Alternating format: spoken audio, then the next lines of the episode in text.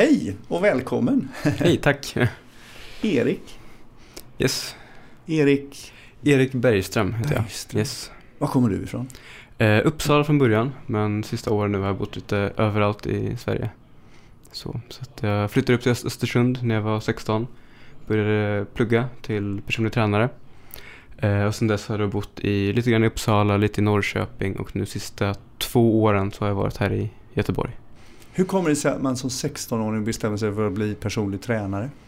Eh, när jag var liten, eh, jag, jag föddes tidigt, eh, så jag var väldigt tunn och vägde inte så mycket. Så att eh, mina föräldrar och så var väldigt eh, rädda för att jag skulle bli un- undernärd. Så att eh, jag fick mycket mat, så att det var ju tvärtom. Jag växte men inte på längden. Ehm, men sen någon gång när jag var 12 och började reflektera själv över samband mellan kosten, träning och livsstilen och så. Eh, och hur jag såg ut och hur jag mådde och så, så började jag träna väldigt mycket. Och eh, ja, en passion för träning och rörelse började, började där. Vad tränade du då? Eh, jag började med att springa och lyfta lite vikter jag hade hemma. Men sen första dagen i, eh, efter att jag fyllde 15 så skaffade jag gymkort eh, och började lyfta vikter och så. Det är ju någonting man har ändrat på nu. Ja. För förr var det ju väldigt strikt Ja, med precis. 15-årsgräns. Men på gymmet där, där jag, där jag var så, så var det så. Eh, men sen, sen gick jag ifrån det med vikter och så. Så numera kör jag mest kroppsviktsträning och, och så. Varför träning? Ja, det, det, jag brukar säga det, det är min meditation, mitt sätt att eh, han, hantera eh, mina tankar och sätta allting i, på rätt plats och så. Så att jag mår väldigt bra när jag tränar och eh, blir mer klartänkt. Och, ja, det är min, min meditation helt enkelt. Du är en person som utstrålar väldigt mycket energi.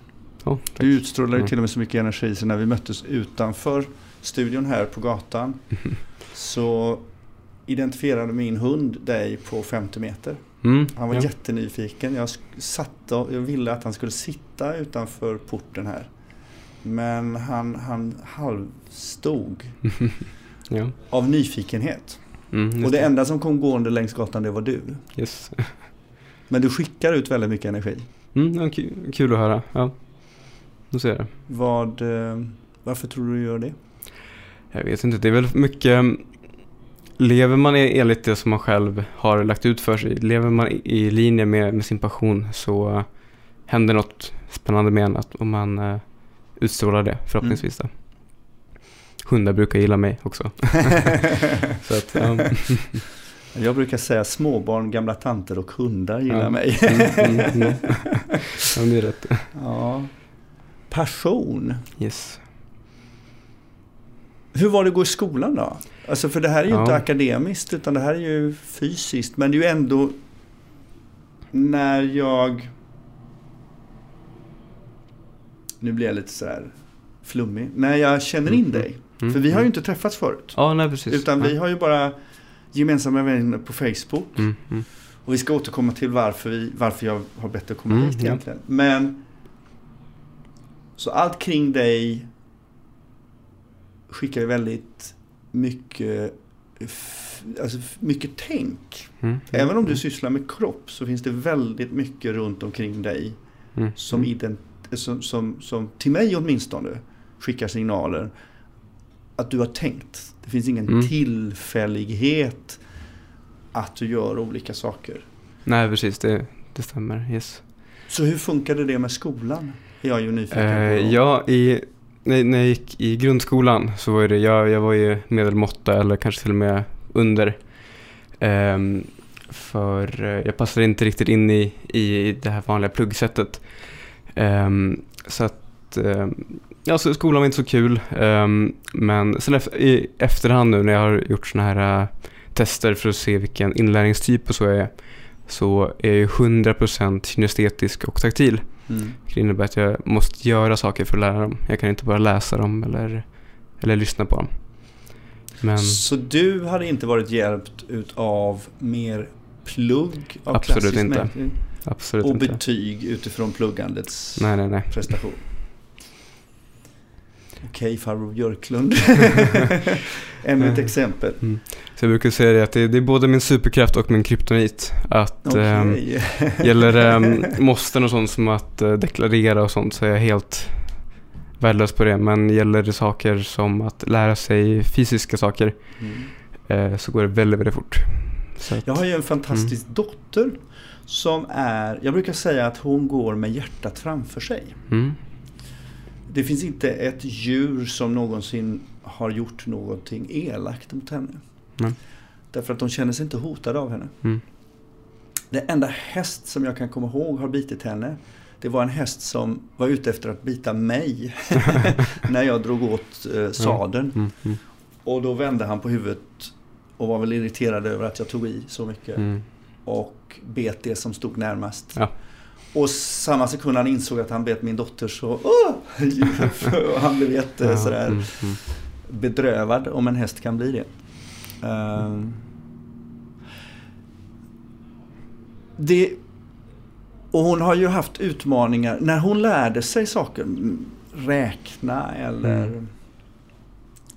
alla abstrak abstrakta begrepp mm. för henne. En siffra är för henne en abstraktion. Mm. Eh, så gjorde vi det genom att göra saker. Mm. Hon hade inga problem att om jag sa att min, min syster och hennes familj kommer på middag och så är det vi. Mm. Mm. Hur många bestick ska du ta fram? Sju. Okej. Okay. Men så jag, hur mycket är fyra plus tre? Mm. Nio eller fem. Ja, så. Mm, mm. så veckodagar lärde vi oss genom att uh, ha nallar som vi ställde upp på mm. golvet. Och vad är igår och vad är förrgår? Det var liksom mm. om, om du är idag så jag bakom dig så jag var igår. Ja, och nallen mm, som är bakom mig var förrgår. Uh, och det är ju det är en inlärningssätt. Mm, absolut. Du är lite sån. Ja, precis. Yes. Så träningen för dig har... Ja, det är mitt sätt att tänka helt enkelt. Mitt sätt att eh, organisera mina tankar och eh, eh, jag tänker absolut bäst när jag är ute i skogen och springer och så. Och, eh, det är då, då jag får alla mina idéer för mina projekt och så vidare. Vad var ditt första projekt? Mitt första projekt var väl egentligen, ja, egentligen när jag var 12 då och eh, gick ner och eh, massa vikt och eh, började träna. Men efter det skulle jag säga att det var mitt eh, SM-guld i kettlebell som var mitt eh, stora, stora första projekt. Så berätta, vad är det för något? Eh, kettlebell är de här kanonkulorna inne i gymmet eh, med handtag på som man, som man ser gamla ryssar i gamla filmer mm. svinga. Eh, och det börjar komma lite mer till eh, Sverige nu sista åren. Så att 2010 så anordnades det första SM då, vilket egentligen är eh, i eh, frivändning och stöt. Eh, tio minuter har man på sig och man får byta hand en gång och man får inte ställa ner kulan. Så får man göra så många som möjligt och vilopositionen är upp vid bröstet eller på rak arm. Så att, men det var en väldigt, väldigt svår eh, resa. Jag förberedde mig väldigt bra och det gick väldigt, väldigt bra. Men sen bara 11 dagar innan finalen, så vet inte om du hörde om den här parasiten i mm. Östersundssticksvatten. Mm. Jag bodde ju mitt i stan och vart drabbad. Eh, symptomen var inte jätteilla så, men eh, tajmingen var ju katastrofal. Så jag kunde inte äta något på flera dagar och jag tappade månaders träning. Men sen bara fem, fyra dagar innan finalen så var jag frisk nog att gå till gymmet. Eh, och det är än idag det absolut sämsta träningspass jag haft i mitt, i, i mitt liv. Eh, så att, och jag hade gått ner eh, 4-5 kilo.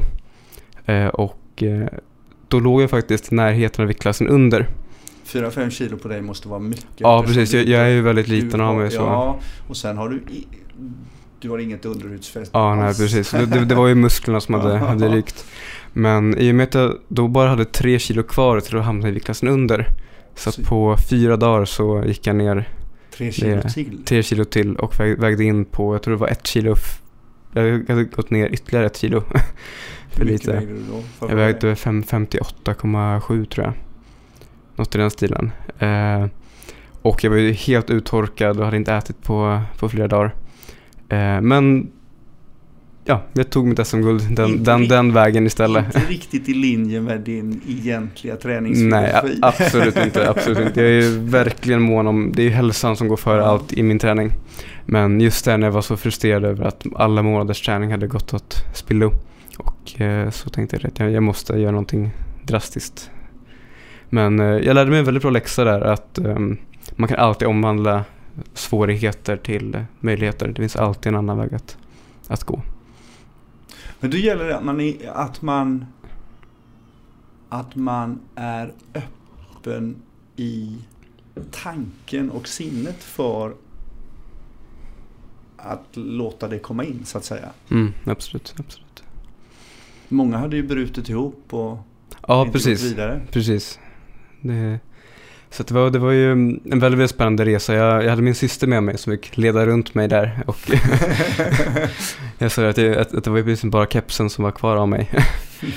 Ehm, innan det. Men det gick bra och efteråt så ja, eh, kände jag att det var eh, en spännande er- erfarenhet men eh, det är dags, dags för nya saker och så. Och det, det är lite så jag funkar också. Att jag vill eh, göra en stor häftig sak som känner att jag, att jag får utveckla mig själv. Något som tvingar mig att, att eh, utvecklas.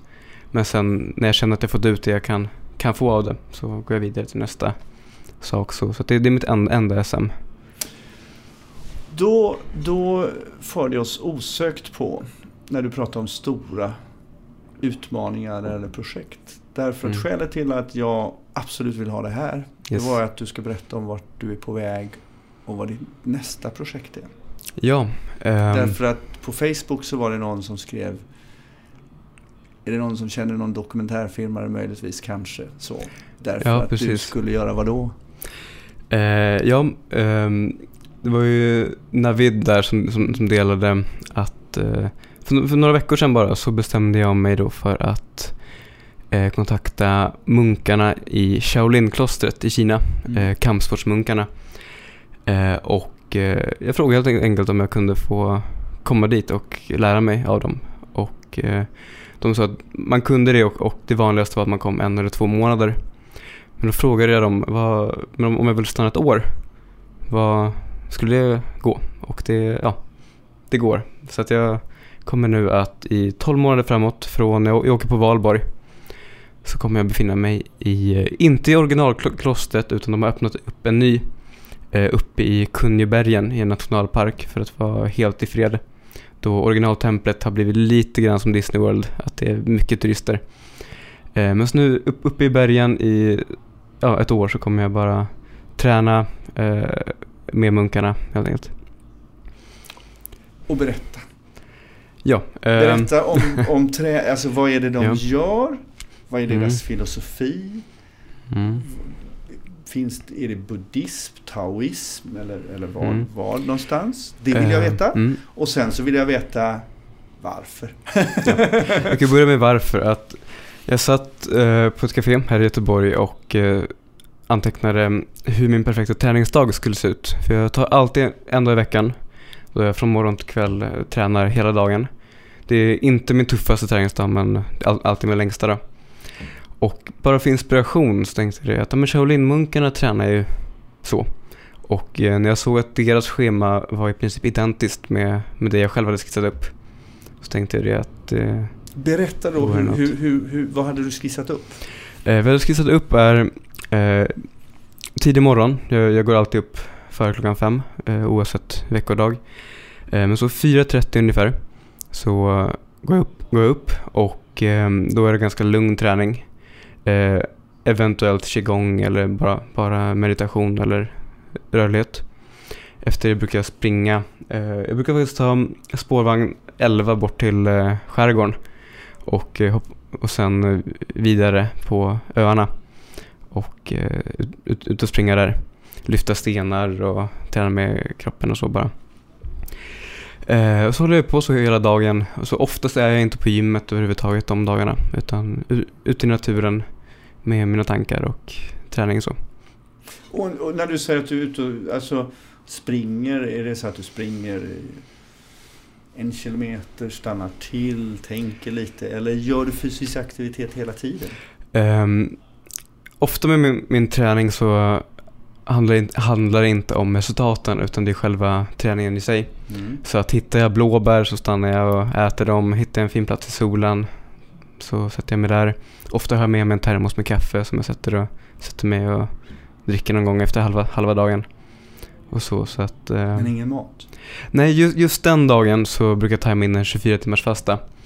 Eh, också ett av mina experiment. Jag älskar att experimentera med min träning. Så att jag slänger in olika typer av fastor, eh, olika typer av träning och så. Men den dagen som jag faktiskt har mest energi på är den dagen jag har min 24 timmars fasta. Spännande. Mm. Och så håller du på till solen går ner eller? Ja, i, i princip. I princip. Minst en dag i veckan ligger jag så. Vanlig dag då? En vanlig dag är också, också väldigt mycket träning. Ehm, men ehm, jag ju som eh, per- personlig tränare. Mm. Så att, eh, och, eh, min egna träning är ju egentligen inte så mycket på gymmet utan jag är ju mest ute i skogen och tränar. Så att eh, det gör jag ju då ofta när jag går upp, i och med att jag går upp så himla tidigt. Och sen även när jag kommer hem. Så att min arbetsdag är ofta klar vid lunch ungefär. Eh, och resten av dagen ägnar jag ofta åt träning och, eh, och så.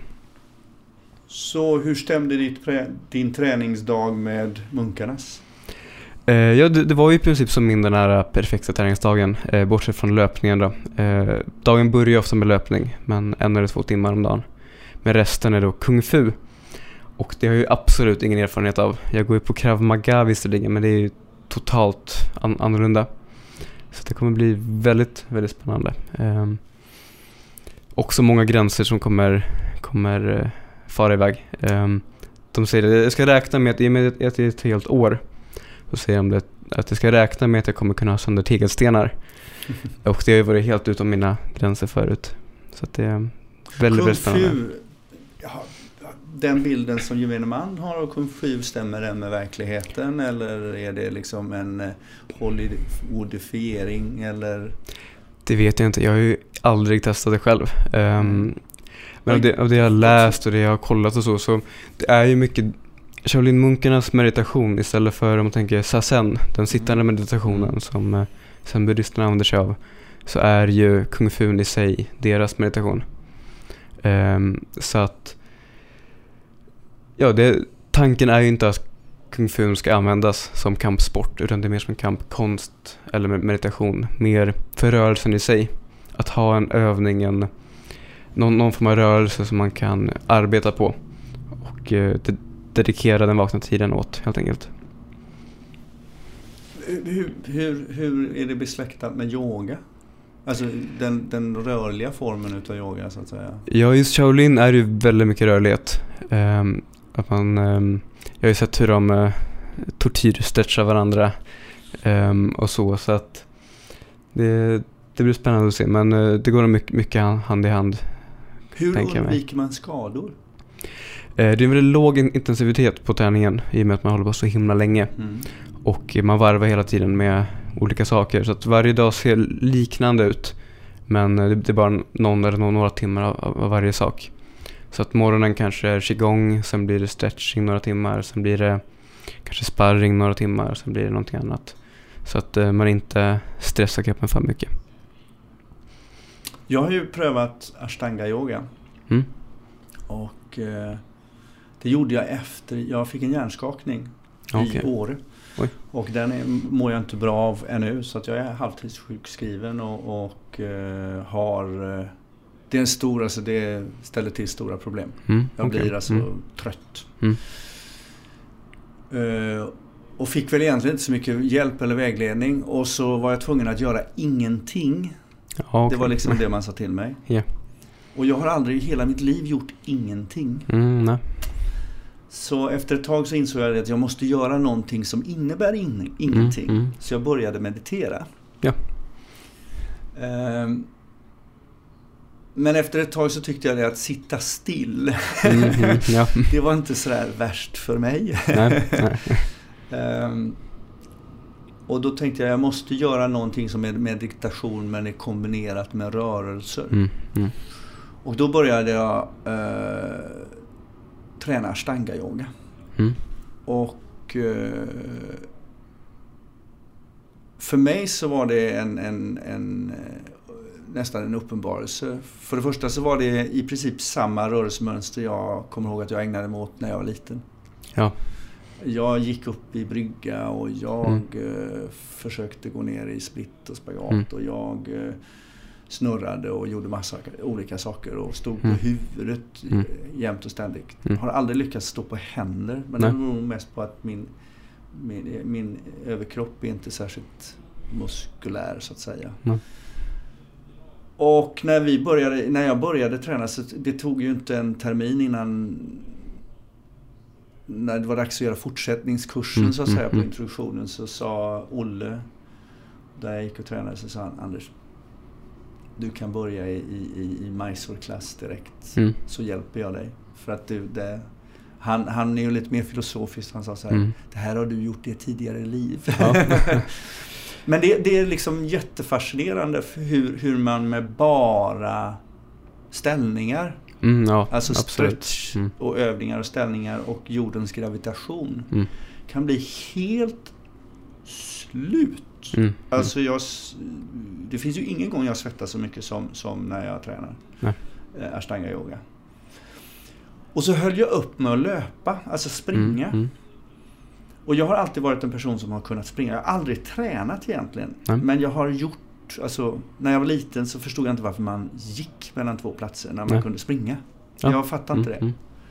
Det var väl först när jag blev 15-16. Så fort jag var ensam och gick mellan två mm. platser så gick jag inte utan då sprang jag. Uh, för jag förstod inte varför man skulle gå. Uh, och sen så tänkte jag det efter att ha tränat i nästan ett år ashtanga yoga och inte sprungit överhuvudtaget. Mm, mm. Så tänkte jag, jag måste gå ut och, och löp, springa och se. Jag ja. måste kolla. Ja. och då, då fick jag en tid som, som förvånade mig. Alltså jag, jag tror jag sprang runt fem kilometer. Så här var det. Jag gick upp i Skatås. Mm. Och så var det en, en, en högstadieskola som skulle ut och springa. Och de skulle gå när klockan var på hel. Och mm. de skulle springa en mil. Och ja. klockan var två minuter i. Ja. Och jag tänker, jag sticker. Mm. Och ingen jäkel ska hinna ikapp mig. Ja, nej, nej. och så sprang jag. Och, och det var ingen som hade ikapp mig. Och så om alla som har varit i Göteborg på Skattor och sprungit milen så vet man att när man kommer och det är åtta kilometer så går den ihop med fem, femman. Mm, mm. Och jag kom ner och så sprang jag där. Och så när jag sprang ner för backen ner mot där IFK Göteborg tränar på sin konstgräsplan. Så började jag höra en kille komma bakom mig. Mm. Och så tänkte jag, jag ska inte ja. Men han låg i och han sprang och han sprang. Och till slut så kom han upp jämte mig. Och jag tänkte, mm. jag skall inte ge mig. Aldrig. Nej, nej. I slutet av, av femman och, och milspåret så är det en backe upp. Mm. Den är inte lång men den är ganska brant. Mm. Och, och och dumt nog så började jag tänka, han får inte springa om mig där, han får mm. inte springa mm. om mig. Vilket ju innebar att jag ägnade mer kraft åt att tänka än att ja. bara springa. Mm. Så han sprang om mig där. Och sen så jagade jag honom som en galning. Men då hade hans tävlingsinstinkt vaknat så han hade bestämt sig för att mm. han, han skulle inte släppa förbi mig. Ja, och så gick vi mål och så tittade jag på klockan och så hade jag sprungit på 42. Ja, det är fantastiskt. Så, och, liksom, och jag, liksom, jag var helt tokig. Mm. Och så säger han så här, tack så hemskt mycket, säger jag till honom. Det här var liksom ja. fantastiskt. Mm. Vad sprang du på? Och då säger han, jag vet inte, 20? Mm. Sprang du... När jag går i sjuan, jag sprang bara femman. ja. så, så, att, eh, så att jag mm, hade... Mm. Sen dess har jag nog inte sprungit på, på 42. Men det visar att även konditionen mm. byggs upp under ett yogapass. Mm, absolut. Mm. Också som, som du sa alldeles nyss, det där med sånt du gjorde när du var barn. Att träning ska ju vara kul. Det är jätteviktigt att mm. träningen är rolig och att man eh, alltid, alltid har, har, har kul när man gör den. Och um, ja, tanken är att vi ska röra oss um, i de, de typerna av rörelserna. Vi ska lyfta saker på olika sätt. Vi ska lyfta oss själva i olika vinklar hit och dit. Så att det är helt rätt det där. Får du kommunicera med omvärlden? Ja, eh, på helgerna så kommer jag ha tillgång till dator. Kommer jag. Så vi kommer kunna följa det alltså? Ja, eh, jag tänkte faktiskt göra så att jag tar med min eh, kamera också. Och på min lediga tid. Helgerna kommer vara helt lediga. så passar jag på och filmar och fotar och så. Och så ska jag försöka hålla min hemsida uppdaterad så gott det går. Får du filma medan ni tränar tror du? Det vet jag inte, det återstår att se. Annars får jag, får jag ta med den ut, ut till någon eh, sjö uppe i bergen och ställa mig och visa vad jag har lärt mig. Hur klarar man av att leva så ett år borta? Ja, alltså jag har ju bott, jag har ju bott bort eh, från min hemstad Uppsala nu i, eh, ja det blir väl en fem, fem, sex år nu. Så att eh, bara där så har, har jag en vanan där att, att eh, inte vara där resten av släkten och, familjen och vännerna och så är. Um, och um, så som jag lever, jag är ju väldigt dedikerad till träningen och så, så jag, jag tror inte det kommer vara några problem att, att bo med munkarna och så. Du kommer ju, det är ju inte så att, det, det är inte så att ni mediterar och ska vara tysta. Nej, Vad pratar de för språk? Eh, mandarin är det och okay. det kommer jag lära mig under tiden också. Så bortsett från kung fun så kommer jag få mandarinlektioner av en av munkarna. Och även akupunktur, vilket kommer bli spännande. Det har jag ingen som helst erfarenhet av heller. Jag har fått ak akupunktur en gång. Men eh, det ska bli kul att se de deras syn på, på medicin och så vidare. Spännande. Mm. Det finns mycket som man kan lära sig kring, kring eh, sånt. Jag träffade en, eh, en ung man eh, som... Han betedde sig konstigt. Mm. Vi var ute och jag var på stearin och drack, tog ett glas after work. Mm. Mm. Och så, men när jag möter folk som är konstiga så blir jag nyfiken. Mm. Alltså jag är ju sån tyvärr. Mm. Eller Tack det, och lov. Ja, yes. jag säger så han är, han är dum i huvudet, det säger inte jag. Utan, men han skrattar, alltså när han började prata med honom så började han skratta. Mm. Nästan lite sådär hysteriskt, mm. nästan lite mm. sådär eh, som en idiot. Mm. Mm. Skulle man kanske så. Vilket ju fick att folk tog avstånd från honom. Mm. Och jag, jag, jag sa till honom, jag måste fråga dig rakt på sak här. Alltså, varför gör du så här? Mm. Vad är det? Och då berättade han att det var ett tick han hade. Mm. Så fort han blev engagerad i en fråga och skulle mm. börja prata mm. så, så, så, så började han skratta. Okay. Och eh, eftersom min dotter har liksom samma inlärnings variant som du så passade mm. inte hon i skolan så bra. Nej. Vilket gjorde att jag vände, alltså jag vände och vred och försökte liksom förstå verkligen hur jag skulle nå fram till henne och mm. hennes kunskapande. Mm. Så, så jag hade verkligen försökt och, och och jag tror lite grann att hon hoppar mellan höger och vänster hjärnhalva. Mm. Så, att, så att det alltså, För jag hade kommit på att när vi satt och räknade matte. Om jag satt på hennes högersida. Mm. Så var det mycket lättare. Och så kunde vi sätta, och så satte jag mig på vänstersidan och så funkade det inte alls. Okay. Och någonstans så handlade det om att, att, att jag satt på den sidan, jag rörde henne på den sidan. Så att jag mm. rörde hennes högersida som aktiverades i hennes vänstersida och det gjorde mm. att det funkade mycket bättre. Okej, okay, spännande. Eh, och sen råkade jag, så tittade jag på en eh, dokumentärfilm från Island som mm. handlade om ett en, en kille som var autistisk. Mm. Och hans mamma var dokumentärfilmare, mm. tror jag. Och hon... De var tre bröder, två lite äldre. Och så den här killen då som var autistisk. Och han uppvisade alla autistiska, alltså det här med självstimulering. Han mm. hade pinnar som han slog sig i mm. ansiktet med och så. Mm. Och filmen heter uh, A Mother's Courage. Mm. Talking Back to Autism. Okay. Och hon gav sig ut i världen för att undersöka vad är autism och hur mm. kommer det sig? Och så stötte hon på en, en indisk kvinna som hade en autistisk son. Och när de bodde i Indien så hade läkarna sagt lämna bort honom, det är ingen det, du kan glömma honom, han lever sin egen värld. Mm. Nu hade de flyttat till USA. Men när läkarna hade sagt så, så hade hon sagt det, nej, det stämmer inte. För varje gång jag öppnar en cola Mm. Då är han i min värld. Okay. För han vill ha den. Ja. Mm. Så. Um, och hon hade till slut i försöket att nå sin son och förstå honom utvecklat en, en, en pedagogik som handlade om att utgå från att de här att hennes son var begåvad och fullt Mm, kapabel. mm, mm. Men hon skulle bara hitta vägen fram till honom. Mm. Och då visade det sig att hon satte sig alltid på höger sidan om. Mm, mm, Avskärmade miljön i övrigt. När det blev okoncentrerat så rörde hon vid hans höger arm så att det taktila fungerade. Etc, etc.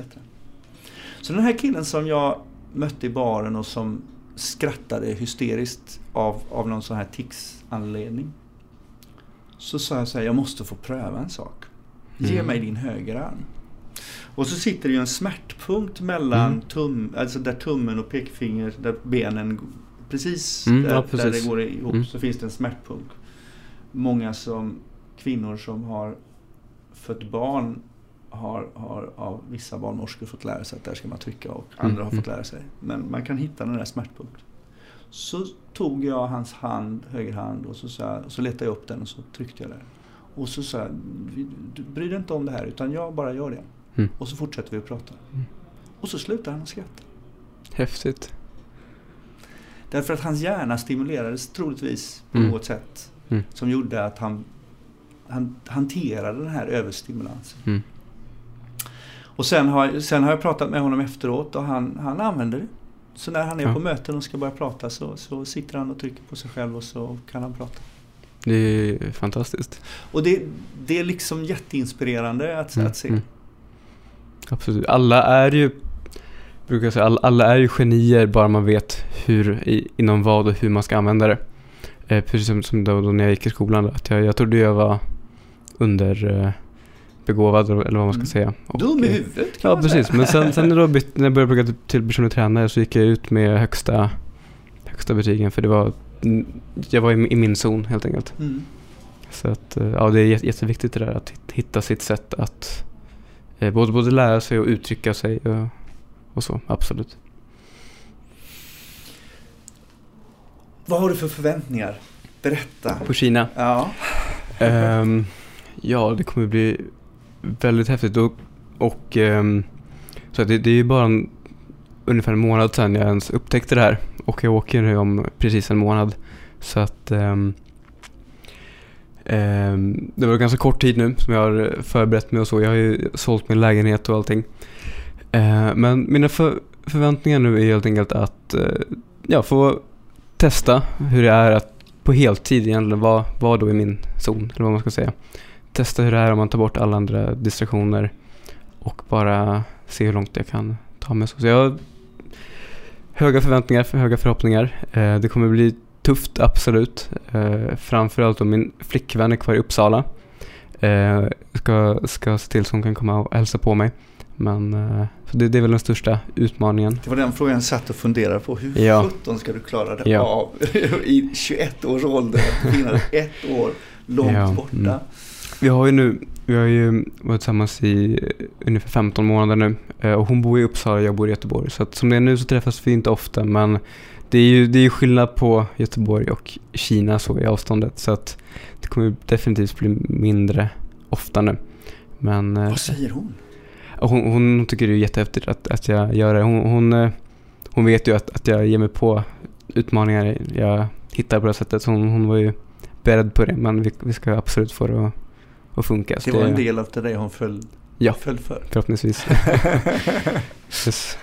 Vad Mm. spännande. Mm, Vad gör hon? mm. Hon pluggar till undersköterska Mm. just nu. Hon går i gymnasiet fortfarande. Så att, eh, ja men det, det, det ska bli eh, kul att få dit henne också till, till Kina. Så vi är väl på att kolla nu. Jag kommer få lite permission och så. Eh, jag tror det är tre veckor på ett år bara. Men eh, då i alla fall ska vi få dit henne. Permission, det låter som du liksom kliver in, skriver på ett papper och följer Ja. regimen. Så att Ja, det är säga. ju lite som en, eh, man skulle kunna tänka sig som en slags fredlig militär eh, Tjänst. tjänst. Okej. egentligen. Så att minus krigs. Vad blir man? Ja, ehm, jag vet inte. Jag, I och med att jag inte själv kommer bli munk utan bara studera under dem så blir jag ju inte munk. Ehm, och tränare eller lärare vet jag inte heller om jag blir. Jag får ju kunskaperna och jag kommer ju absolut väva in det i mitt eh, yrke som, som tränare. Ehm, så att eh, det är väl det egentligen som jag får med mig. Caroline munkarna, alltså är de munkar för resten av livet eller? Det tror jag inte. Jag tror man kan... Eh, eh känner man att, att det inte skulle passa så antar jag att man kan skriva av sig eller vad man ska säga. Vad var det som gjorde att du, hur kom, alltså du studerar massvis med kamp, qigong och sånt. Mm, mm. Hur hittade du det här? Eh, det var en, det var, jag såg en dokumentär för kanske var en sex, sju år sedan någonting. Och det tänkte man att jäklar vad häftigt. Men det kändes ungefär lika distant som att gå och bli pirat eller något, något, något i den stilen.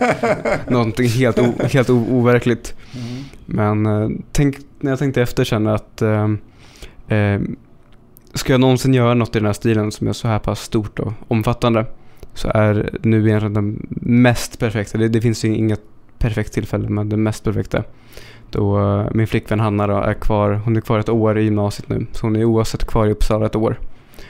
Och um, så tänkte jag att det är bättre att jag gör något i den här stilen nu än, än sen då. så att, um, mm. Det som intresserar mig det är ju för man, jag skulle ju vilja att alla, oavsett om man är nördig på fysik mm. eller passionerad inom musik eller passionerad inom något annat, sitt eget, mm. sitt eget jag så att mm, säga, mm. det som passar mig. Mm. Att man har modet mm. att ge sig ut att man har modet att våga ta det steget. Mm. Vad tror du hos dig i ditt liv har gett dig det modet? Eh, svårt att säga. Jag, jag, tänker tillbaka bara på när jag flyttade till Östersund. Så var det flyttade jag dit, i och med att jag visste vad jag ville, eh, flyttade jag dit utan lägenhet eller någonting och dök med huvudet före eh, innan jag ens känt på vattnet och eh, fick, fick det att hända helt enkelt. och då var du? Då var jag 16, 16. eller 17, 17 mm. tror jag. så jag flyttade upp, det är ju det är väl en 50 mil från Uppsala. Mm. och ja, jag, jag, fick det att, att fungera för, för för jag visste att det var det jag ville. Och jag vet, jag vet faktiskt inte, inte var det skulle kunna komma ifrån. Um, för min inställning är just det att uh, det finns inga, inga perfekta tillfällen, det finns inga perfekta omständigheter. Man, Men det man finns ju skapa... någon trygghet. För det här är ju inte en mm. flykt du gör. Nej, nej, absolut inte. Det är en sak att man flyr mm. bort. Mm. Men när du, det du gör nu, det måste ju grunda sig i en trygghet. Var kommer den ifrån? Ja, det är en väldigt, väldigt bra fråga. Um,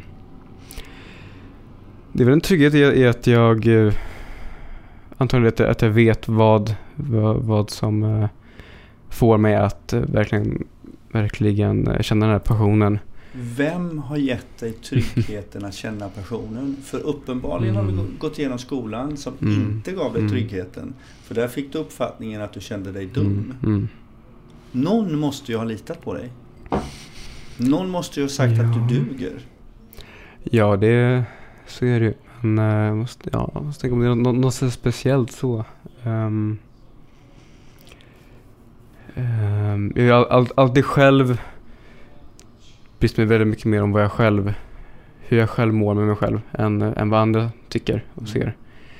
Uh, och om man tar SM som exempel igen så var det inte för en sekund för att på något sätt bevisa något för någon eller visa vad jag kunde utan det var ett experiment för att se vad jag klarar av. Det var ditt mål? Precis, det var mitt mål. Det var min, mitt, mitt projekt. Ehm. Fast du hade en syster som följde med dig för att ja. och, och lotsa dig fram. Ja. Så någonstans så har du ju någon som är beredd att ställa upp och stötta ditt mm. projekt. Mm. Mm. Hur tokigt eller vansinnigt det än mm. kan mm. tänkas. I en tillit mm. till att du fixar det här. Mm. Och att ja, du vet min, dina eh, egna begränsningar. Mm. Men min eh, familj stöttar mig ju i, i det jag gör, även mina knasigare mål. Så även om de inte tycker att det är, att, även om de inte håller med om det så, så står de bakom mig.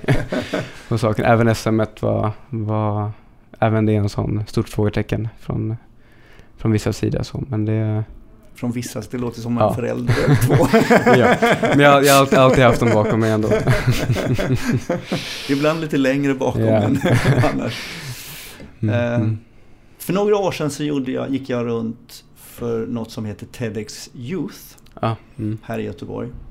Karl och Axel som, som ligger bakom TEDx Youth, eller många utav TEDx aktiviteterna i Göteborg. mm, Eh, och som är båda filmmakare, dokumentär och, mm, och andra.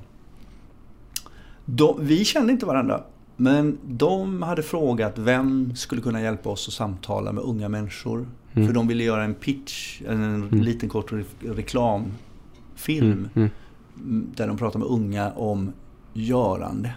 Mm. Hur vill du förändra världen? Mm. Jag ska återkomma till det lite senare. Men så vi, så vi eh, De ringde mig en dag och sa så här. Vi har fått ditt namn från olika håll. Kan Mm. vi träffas? Vi Mm, vill ha mm, hjälp av dig. Så vi ägnade en hel dag åt att gå runt under Gothjakt Cup och stoppa barn och ungdomar. Och sen så här, får vi ställa några frågor. Och så de första vi stoppade så här. Hur vill du förändra världen? Och sen hade vi ett samtal på 30 minuter och då Mm. insåg vi nej det här kommer inte funka. mm, mm, Det var för stor fråga. mm, mm. Och det tog väldigt lång tid att liksom smala in den där. Så då blev det Navid Modiri. Ja. Eh, inspiration. Ja. Vad är det? Vad inspirerar dig? Mm, mm, Och vem inspirerar du? Mm. Det var min utgångspunkt i samtalet med de här Ja. ungdomarna. Och eh, det visade sig att alla Mm. Som vi stannade sa någon gång under samtalet det viktigaste är att se mig för den jag är, mm, inte mm. den du vill att jag ska vara. Oh, absolut, absolut. Ja. Och jag tror att någon har sett dig för den du är, Mm, mm, inte för den de kanske hade velat att du skulle vara. mm, Och du har fått lov att göra det. Och då kommer det mod mm, mm, och trygghet. Mm. Och den in- intensitet som du faktiskt utstrålar. Du fyller faktiskt det här rummet mer än vad jag gör. så att, så att det är mm, mm. uppenbart så. Ja, tack. Ja. Ehm, och eh, det där med inspiration och, eh, och också på tal om Navid Mo- Modiri där. Eh, sånt som inspirerar mig väldigt, väldigt mycket det är att göra sånt som man inte gjort förut. Ta sig utanför trygghetsgränsen där. Eh, och eh, det var också därför jag, jag kontaktade Navid Modiri i och med eh, projektet nu med Kina för att hitta ev- eventuella dokumentärfilmer eller så om det skulle vara intressant att, att eh, följa den här resan och ja, vi får se hur, hur den biten går men eh, eh, just det talet om att, som han säger, hacka koden och projektet eh, 365 saker Mm. eh, har varit också en väldigt stor inspiration just för det bygger på precis samma sak som för mig att, att eh, göra den här typen av, av saker. Du kan, kan berätta lite grann vad, Mm. vad är 365 saker? Ja, du får gärna berätta. Ska jag berätta det? Eh, att, att göra någonting nytt Mm. varje dag. Något man inte har gjort förut. Någonting som kanske skrämmer en. Någonting som kanske känns lite obehagligt. Men eh, med vetskapen att man kommer, kommer eh, vidare eh, starkare än, än innan. Med nya erfarenheter så, ja, så skapades då det, det projektet. Det var Navid som hade suttit i tvn och varit filmregissör. Eller recensent. Ja. Och sen så blev han starkt ifrågasatt. Bland annat därför att han sa att han hade aldrig sett en Bergman-film. Nej, precis. Och så vidare och så vidare. Och så helt plötsligt en dag så backar han ur och så tog han en lång semester. Därför att han var vilsen, tror jag. Mm. Och så satt han och bestämde sig för att göra det här. Mm. Och så började han skriva en, en blogg Mm. som hette 365 saker. Mm. För han skulle göra en ny sak varje dag. Mm. Utmana sig själv. Mm. Och det blev sedermera ett projekt. Mm. Och det blev också ett projekt inom som stöttades av Allmänna arvsfonden. Och man fick finansiering tre år. Men vad som är så intressant är att det tredje året genomfördes aldrig. Därför Mm. att projektet tog en annan vändning. 365 saker existerar ju fortfarande och det finns Mm, en mm. hemsida. Det finns massvis med 365 aktiviteter. Mm. Mm. Men strukturen projekt inom Allmänna arvsfonden blev så styrd Mm. att det hämmade ju hela Ja. tanken. Okej. Mm. Men eftersom man då hade Eftersom Navid då hade gjort just nya saker varje dag Mm. så var det inte svårt att fatta beslutet nej men jag ska inte göra det här bara för att någon annan tycker det. Nej. Utan Nej. nu gör jag precis tvärt vad alla andra säger. Jag tar mig utanför trygghetszonen och säger nej men vi, vi tackar nej till de sista pengarna. Mm.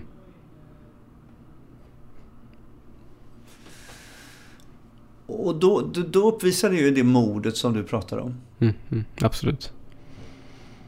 Vad ska du göra? Vad tror du du tar vägen med det här när du har gjort detta? Eh, Ja, då är det väl dags, dags för nästa, nästa utmaning som jag inte vet vad det är än. Men ehm, jag kommer absolut fortsätta sam, på samma, samma spår så att, att hitta någonting jag kan eh, engagera mig totalt i. Och, och När man är så stark som du är Mm, mm, så, så påverkar man ju andra människor. mm, mm. Eh, Kommer du skriva en bok? Det hoppas jag. Absolut, det, det, det har jag planer på och det har jag faktiskt börjat lite grann på. Ehm, Kommer du föreläsa? Ja, det, det, gör jag redan. Ehm, så att uh, året som har gått nu har faktiskt varit ett jätte, jätteår för mig. Jag ehm, har blivit vän med Jan Messicek eh, som, håll, som har ett eget eh, bokförlag, Lille Måne i Norge. Mm. Så att eh, i Oslo så var jag och föreläste för, jag tror det var en 300-400 personer om, om just eh, den här typen av avgörande. Och eh, så hade jag en liten workshop-turné där jag undervisade i kettlebells och eh, träning ute i naturen och sånt som var en succé, helt ut, utsålt. Och, så det var, det var riktigt, riktigt kul att få å, å, åka runt i Norge och att eh, intresset för det här finns. Förstår de vad du säger när du pratar svenska? Ja, eh, de förstår mig väldigt bra. Eh, jag var ju bland annat nere i eh, Haugensund och där har de ju lite, lite dialekt men, det- gick bra ändå. Och sen var jag också ner till några andra ställen där dialekten var lite svårare att förstå. Men Os- Oslo var väl enklast att, att kommunicera. Riksnorska? Ja, precis. det Ja. heter bokmål va?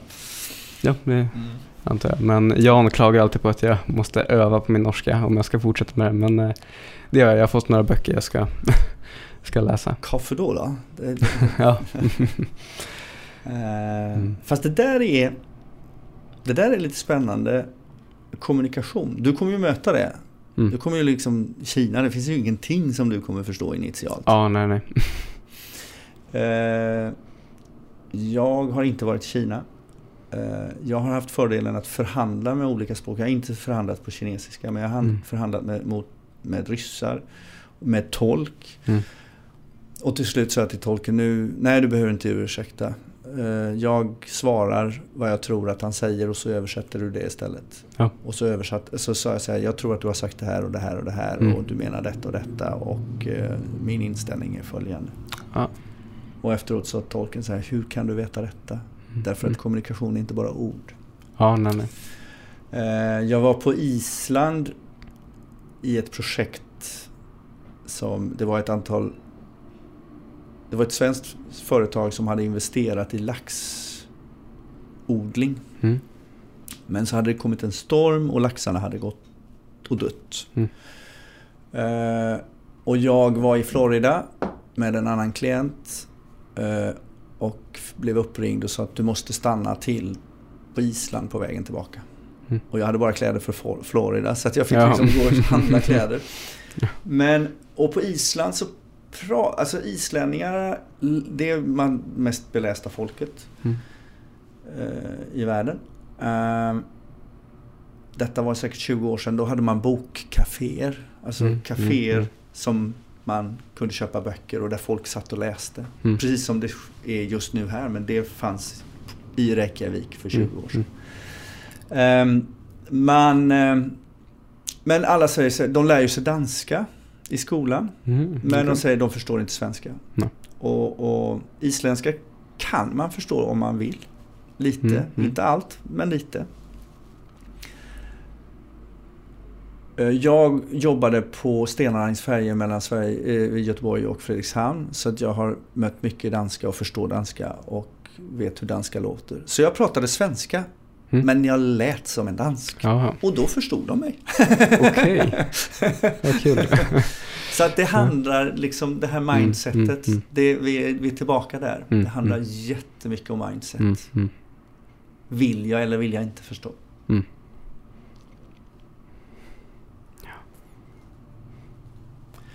Föreläsning. Och det gör du utan att vara scenrädd eller något sånt där? Ja, nej, jag, det, där är jag ganska trygg. Jag är helt trygg egentligen. Jag har faktiskt ingen, ingen scenrädsla alls. Är du rädd för något? Um, Får du stresspåslag någon gång?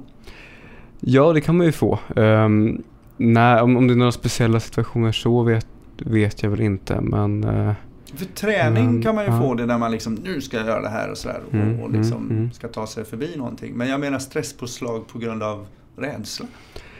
Uh, Kanske, det, det, skulle i så fall vara, det är kanske inte rädsla men nästintill i alla fall, å, återigen där med, med eh, siffror som inte, inte är ankrat till eh, något jag kan se och ta på. Eh, då, då höjs min stress ganska mycket när, när det blir sådana... Har du, varit, eh, har du, har du gått... Ja. Vad spännande. Mm. Siffror kan nog inte riktigt mm. få mig att bli rädd. Nej. Jag blir bara fascinerad. Mm, mm. Exempel, jag, jag har ju e-, eget företag då, så när jag ska... Allting har ju en kod när man ska redovisa. Mm. Eh, och i och med att siffran inte betyder något för mig så blir jag så himla stressad så fort jag ska... När jag sitter där med kvittorna och ska knappa in allting. Då, då, det är väl då egentligen. Men eh, annars är det exempelvis, snackar vi tärningsspel och sånt, så är jag faktiskt ganska, ganska duktig för att snabbt, snabbt räkna ihop vad som gäller. Men in, inte när det är siffror utan mening. Spännande. Mm. Vad roligt att vi alla är olika. Har du varit ja. på, på Liseberg på Gasten någon gång? Nej, det, det har jag inte varit. Det skulle vara intressant att se ifall du blir rädd. Är, man går igenom ett spökhus och så hoppar det ja. fram skådespelare och ska skrämma en. Ja, men, äh, Gröna Lund har varit på en liknande, men det, nej, det, det, det biter inte på mig heller. jag misstänkte det. Jag, gill, jag gillar sånt där. ja. Mm. Om du ska ge ett råd till un, unga människor. Mm. Eller vuxna, det spelar mm. ingen roll. Mm. En annan människa. Vad, vad, vad, vad är ditt budskap? Eh, mitt budskap, å, åter till, till det jag sa där i början, att möjligheter och, eh, och um, um, ska vi se. Um, hinder. Mm. Möjligheter och hinder eh, är samma sak beroende på hur, hur man kollar på det. Så att, att alltid försöka se möjligheterna över hindret. Eh, det är väl det största och eh, jag är även väldigt, väldigt intresserad av minimalism. Jag äger ju nästan ingenting själv utan eh, eh vill fokusera på att få saker att hända istället. Gör, göra saker istället för att äga saker. Och eh, även där det att, eh, att eh, se över vad som eh, fortfarande berikar ens liv. Eh, inte bara med materiella saker utan eh, allting egentligen. Så att eh, se över vad som berikar ens liv och, och ja, göra sig av med det som inte längre gör det. Vad berikar ditt liv? Äventyr just nu äventyr. Hur tänker du kring, kring om du nu har de sakerna du har vad, vad ska de fylla för dig? För att de ska liksom ägas? Eh, just personligen, eh, för mig så... Jag tror, inte, jag tror inte att du har någonting annat än just det som är personligen för dig. Om jag ska vara riktigt ja, ärlig. Nej, det, det, det, det, är sant. Eh, men sånt som tar mig närmare mina mål. Mm. För jag har ofta väldigt tydliga mm. mål och sånt som inte gör det, sånt som bara kanske tar, tar tid eller sånt som inte behövs sånt, sånt vill jag eh, göra mig av med helt enkelt. Så att, det, finns det ett, ett, ett, ett egenvärde i att saker och ting är vackra? Eller blir de vackra för att de är ett redskap på väg till målet? Det kan nog vara både och, men eh, absolut. Är, är det någonting som är viktigt för ens mål så finner man ju eh, det vackra i det. Mm. Så att, ehm, men estetik och, och sånt kan ju också vara, också vara viktigt i, i sig. Att en, en kombination där. Eh, beroende på vilken typ av sak det är. Självklart. Men sånt som bara ödslar tid eh, och eh, som jag brukar säga, sånt som man har för att ockupera sitt, eh, sina tankar istället för att ha någonting som utvecklar ens tankar. Eh, det är där framförallt som jag Utveckla. Ehm, exempelvis så en, en TV. Eh, personligen för mig så är det ingenting som, eh, som får mina tankar att utvecklas. Eh, utan det är snarare som ockuperar mina tankar. Eh, vilket blir då, skulle istället bli som en undanflykt från verkligheten. Eh, så jag har inte ägt en TV på många år. Du har säkert aldrig ägt en TV.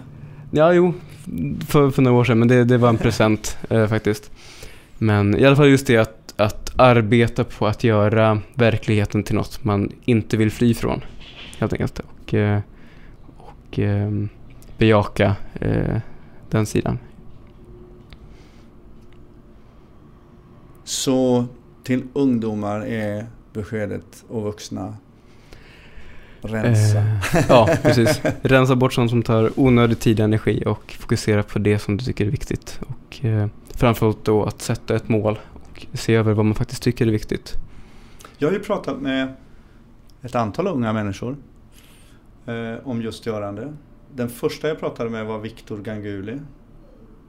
Eh, och han reste sig mitt upp under en fysiklektion på gymnasiet Mm. och lämnade skolan. Mm. Därför han kom på att det här var inte för honom. Mm, mm, Det var inte så han lärde sig. mm. Och så gick han ut och lärde sig. Ja. Ehm. Och är det inte... Är det, är det möjligtvis så att, att vi väljer inte? Vi- Vi avstår från valen därför att vi...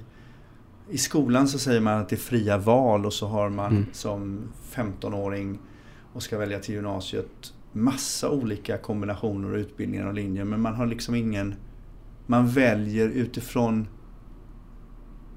inte sin passion utan man Nej. väljer utifrån vad andra Ja, an, andras förväntningar, andras eller förhoppningar. vad andra påstår att Mm. det här är för något. Mm. Men när man väljer som du gjorde Mm, en utbildning mm, som mm, du ville så gick du ut med, med högsta betyg. Mm.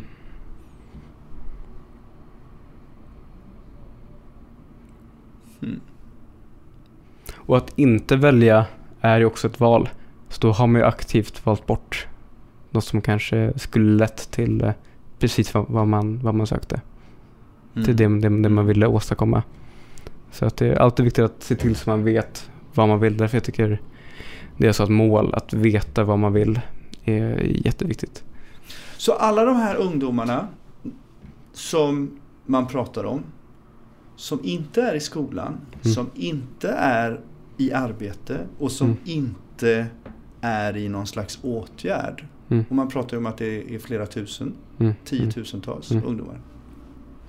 De är just nu i ett tillstånd av vad vill jag? Ja, det är sant. Jag har ju tur, jag vet ju precis. Ehm, Och Så- de är inte hjälpta av att sysselsättas, nej, nej. utveckla.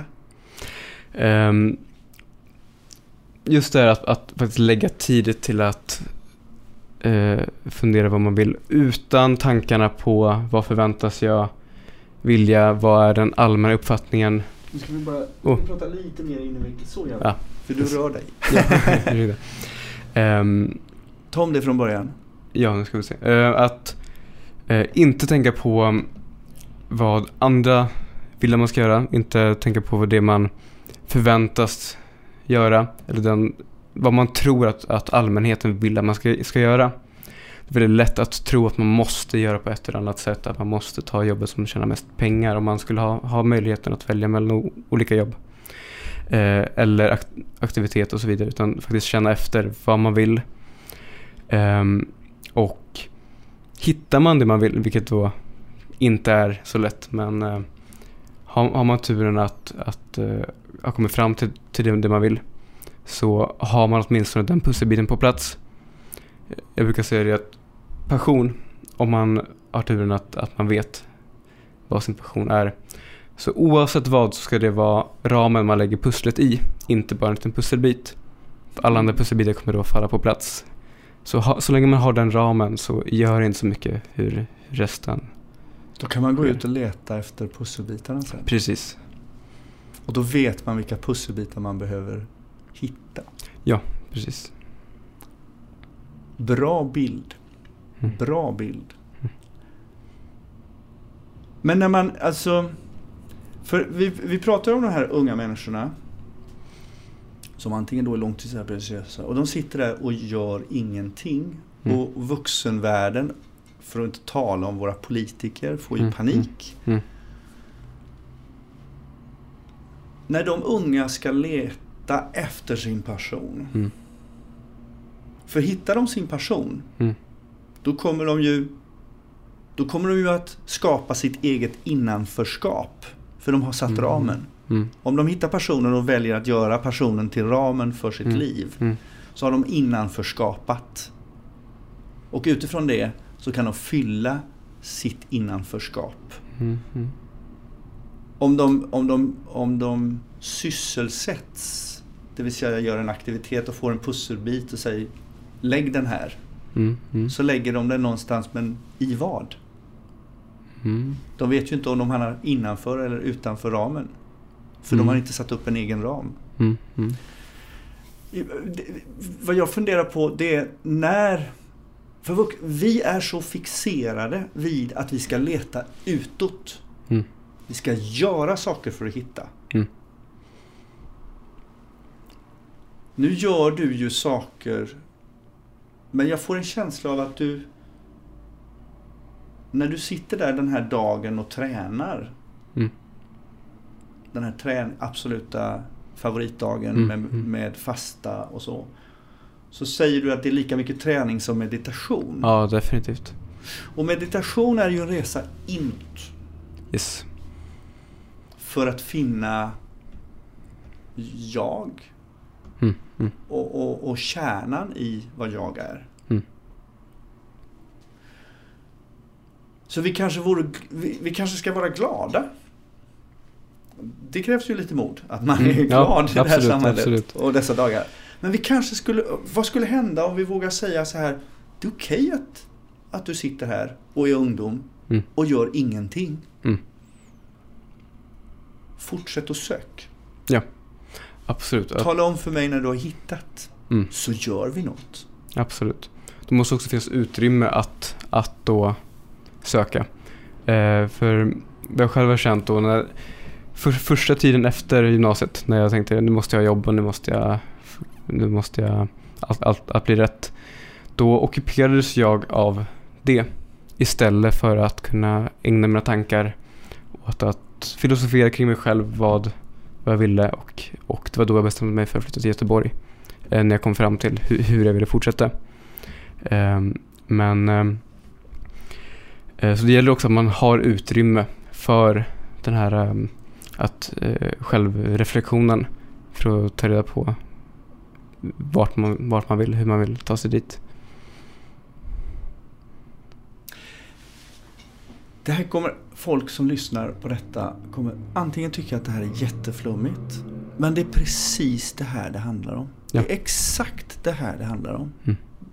Det här är nu och det är grunden för framtiden. Mm, mm, Att våga se möjligheterna.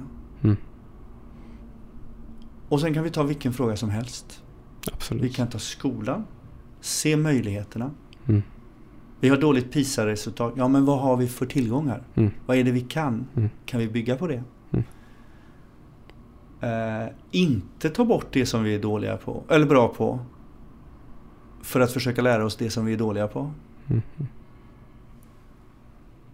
Pratar vi segregation, men det är ju en möjlighet. Mm. Det pratas 150 språk i den här staden. Mm. Varför är det ett problem? Det är, det är, ja, det är helt otroligt att... Vi i. Göteborg har släktingar i hela Mm. världen. Mm. Vilken Är tillgång. det, ett, är det ett problem? Nej, precis. Det är en möjlighet. Mm, mm.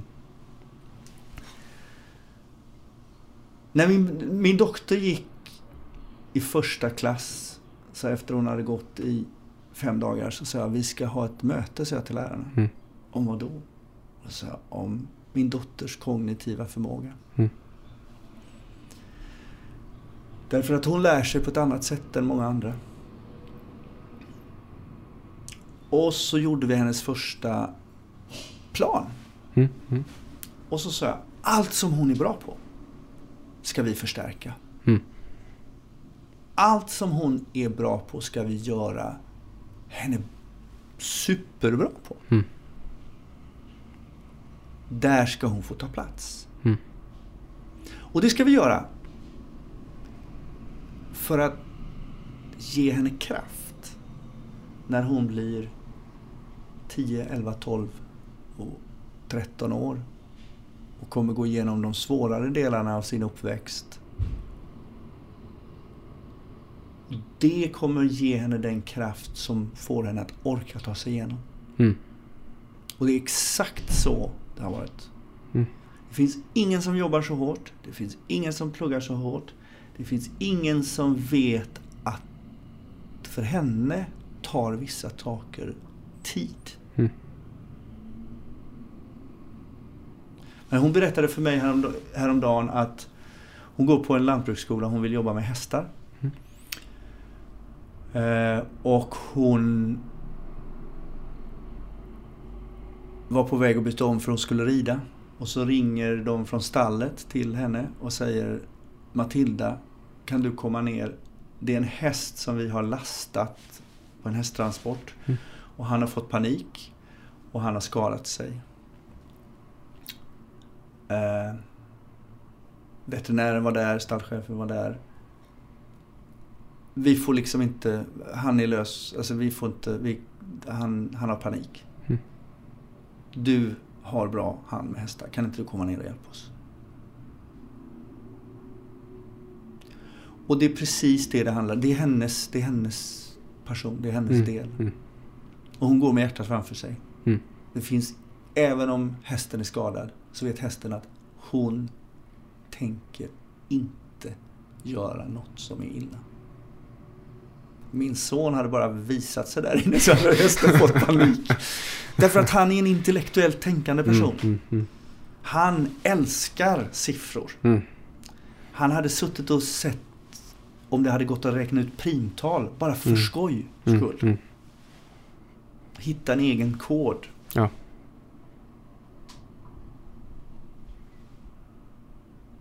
Det är precis det det handlar om, att hitta sin, sin sak oavsett vad det är.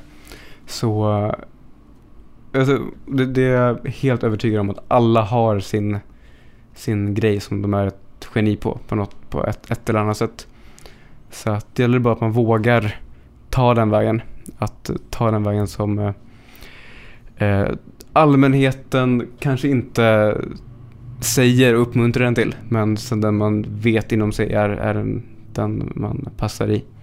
Så ja, då, då kommer man långt, absolut.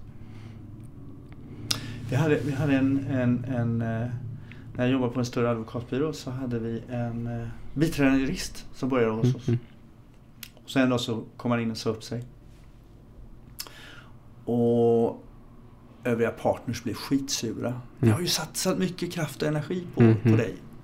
Och så sa jag, vad ska du göra? Nej, jag ska åka till Frankrike och läsa franska. mm, Okej. Hur kommer det sig? Jag har kommit på att jag har utbildat mig till jurist och börjat på en advokatbyrå för att det har varit andras status, Mm, mm, andras grejer. Jag, måste, jag ska åka till Frankrike för jag vill göra det. mm, Och då sa jag till honom så här att eh, det faktum att du gör det Mm. och det faktum att du säger upp dig är för mig det bästa betyg jag kan få. Mm, För vi har uppenbarligen en arbetsplats som får dig att känna dig så trygg att Mm. du kan ta det steget. Mm. Jag tar det som ett gott betyg. Mm.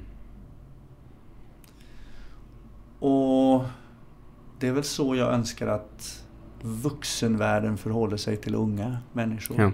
Att våga se dem att göra saker och ting som är bortanför vad jag skulle göra.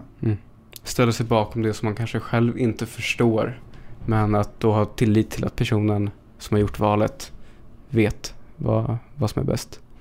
Jättespännande. Mm. Dig måste jag få prata med när du kommer tillbaka. Ja, absolut. absolut.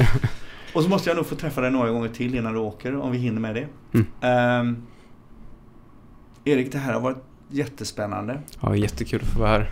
Det var jättekul att ha dig här. Mm, mm. Och för alla er som har lyssnat så har jag förstått att jag vill uppmana er att när ni lyssnar på iTunes så får ni hemskt gärna gå in och likea som det heter. För mig är det någon slags hund som åker ut i rymden. Men likea och eh, gärna skriva en kommentar vad ni tycker. Tack så mycket Erik. Ja, tack. Lycka till.